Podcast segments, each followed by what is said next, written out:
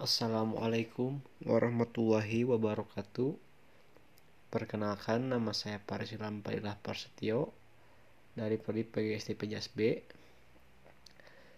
Di episode yang pertama ini saya akan menjelaskan tentang sejarah sepak bola. Sejarah sepak bola dimulai sejak abad kedua dan ketiga sebelum masehi di Tiongkok pada masa dinasti Han tersebut, masyarakat menggiring bola kulit dengan menendang ke jari kecil. Permainan serupa juga dimainkan di Jepang dengan sebutan kemari. Di Italia, permainan menendang dan membawa bola juga digemari terutama mulai abad ke-16. Sepak bola modern mulai berkembang di Inggris dengan menetapkan peraturan-peraturan dasar dan menjadi sangat digemari oleh banyak kalangan. Di beberapa kompetisi, permainan ini menimbulkan banyak kekerasan selama pertandingan sehingga akhirnya Raja Edward ketiga melarang olahraga ini dimainkan pada tahun 1365.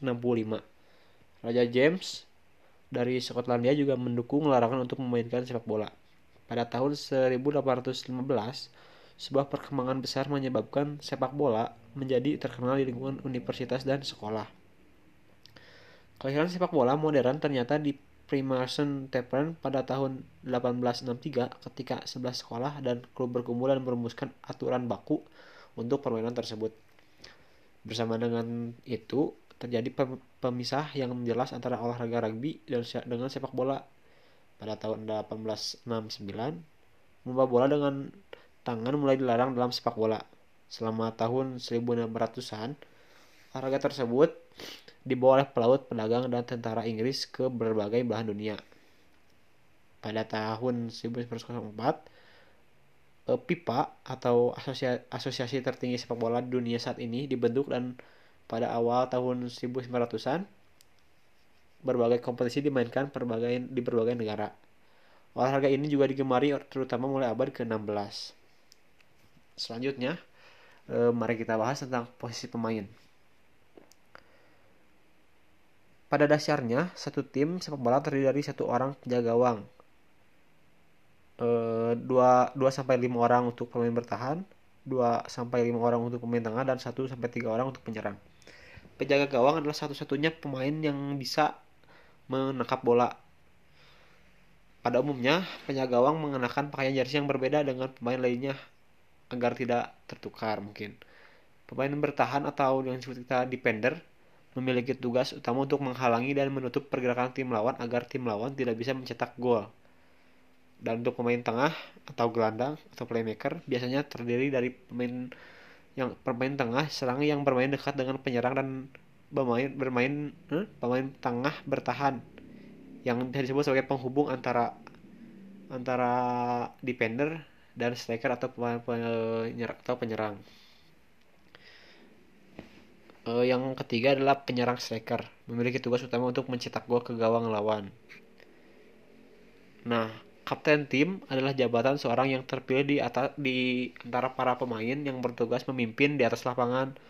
Tanda bahwa pemain sebagai kapten tim adalah atribut ban armband yang melingkar pada lengan atas.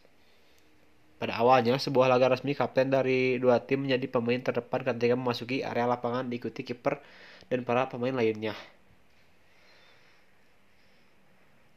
E, untuk aturannya lama pertandingan dalam sepak bola biasanya dua kali 45 menit waktu normal dan belum ditambah dengan e, pertambahan pertambahan waktu. Jika, jika kedudukan sama atau imbang maka diadakan perpanjangan waktu dua kali 15 menit hingga da, didapat pemenang namun jika sama kuat si, masih sama kuat nanti diadakan adu penalti. Untuk pelanggaran Apabila pemain melakukan pelanggaran yang cukup keras, maka wasit akan memberikan peringatan dengan kartu kuning atau kartu merah. E, kartu kuning untuk memperingati agar si pemain tidak lagi kasar. Dan kartu merah e, dengan terpaksa harus mengeluarkan pemain yang di kartu tersebut. Wasit dan petugas pertandingan dalam sepak bola ada 3 sampai 5 wasit yang ber yang bertugas di lapangan.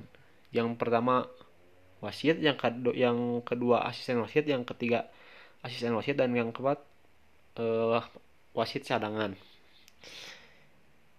Ya mungkin cuman segitu yang bisa saya sampaikan. Uh, wassalamualaikum warahmatullahi wabarakatuh